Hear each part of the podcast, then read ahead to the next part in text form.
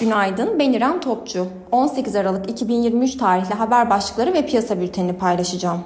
Fed'in söylem değişikliğinin ardından Wall Street traderları 2 yıllık tahvillere yöneldi. Chicago Fed Başkanı Gosby, faiz indirimlerinde verilerin belirleyici olacağını söyleyerek temkinli konuştu.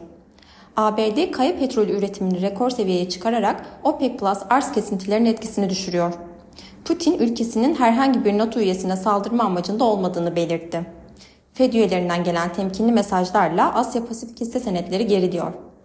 Piyasalara genel olarak bakacak olursak pay piyasalarında geçtiğimiz hafta not artışı gelebileceğine yönelik beklentilerle bankacılık öncülüğünde alıcılı bir seyir izleyen Borsa İstanbul'da Moody's'in değerlendirme yayınlamaması sonrası hafta başında kar satışları görülebilir. Sanayi hisselerinde ve Borsa İstanbul genelinde ise enflasyon muhasebesinin şirketleri negatif etkileyeceğine ilişkin beklentiler, %50'ye dayanan mevduat faizleri ve cazibesi artan alternatif getiri araçları baskı oluşturmaya devam ediyor. Global piyasalarda ise risk iştahı faiz artırımlarının sonuna gelindiği beklentisiyle gücünü koruyor. Bu sabah ABD vadeleri ve Alman DAX vadelisi pozitif fiyatlanırken Asya borsalarında satıcılı bir tablo izleniyor. Teknik analiz verilerine bakacak olursak gün içinde 7940 ve altına gerileme alım fırsatı, 8150 ve üzerine yükseliş ise kar satış fırsatı olarak takip edilebilir.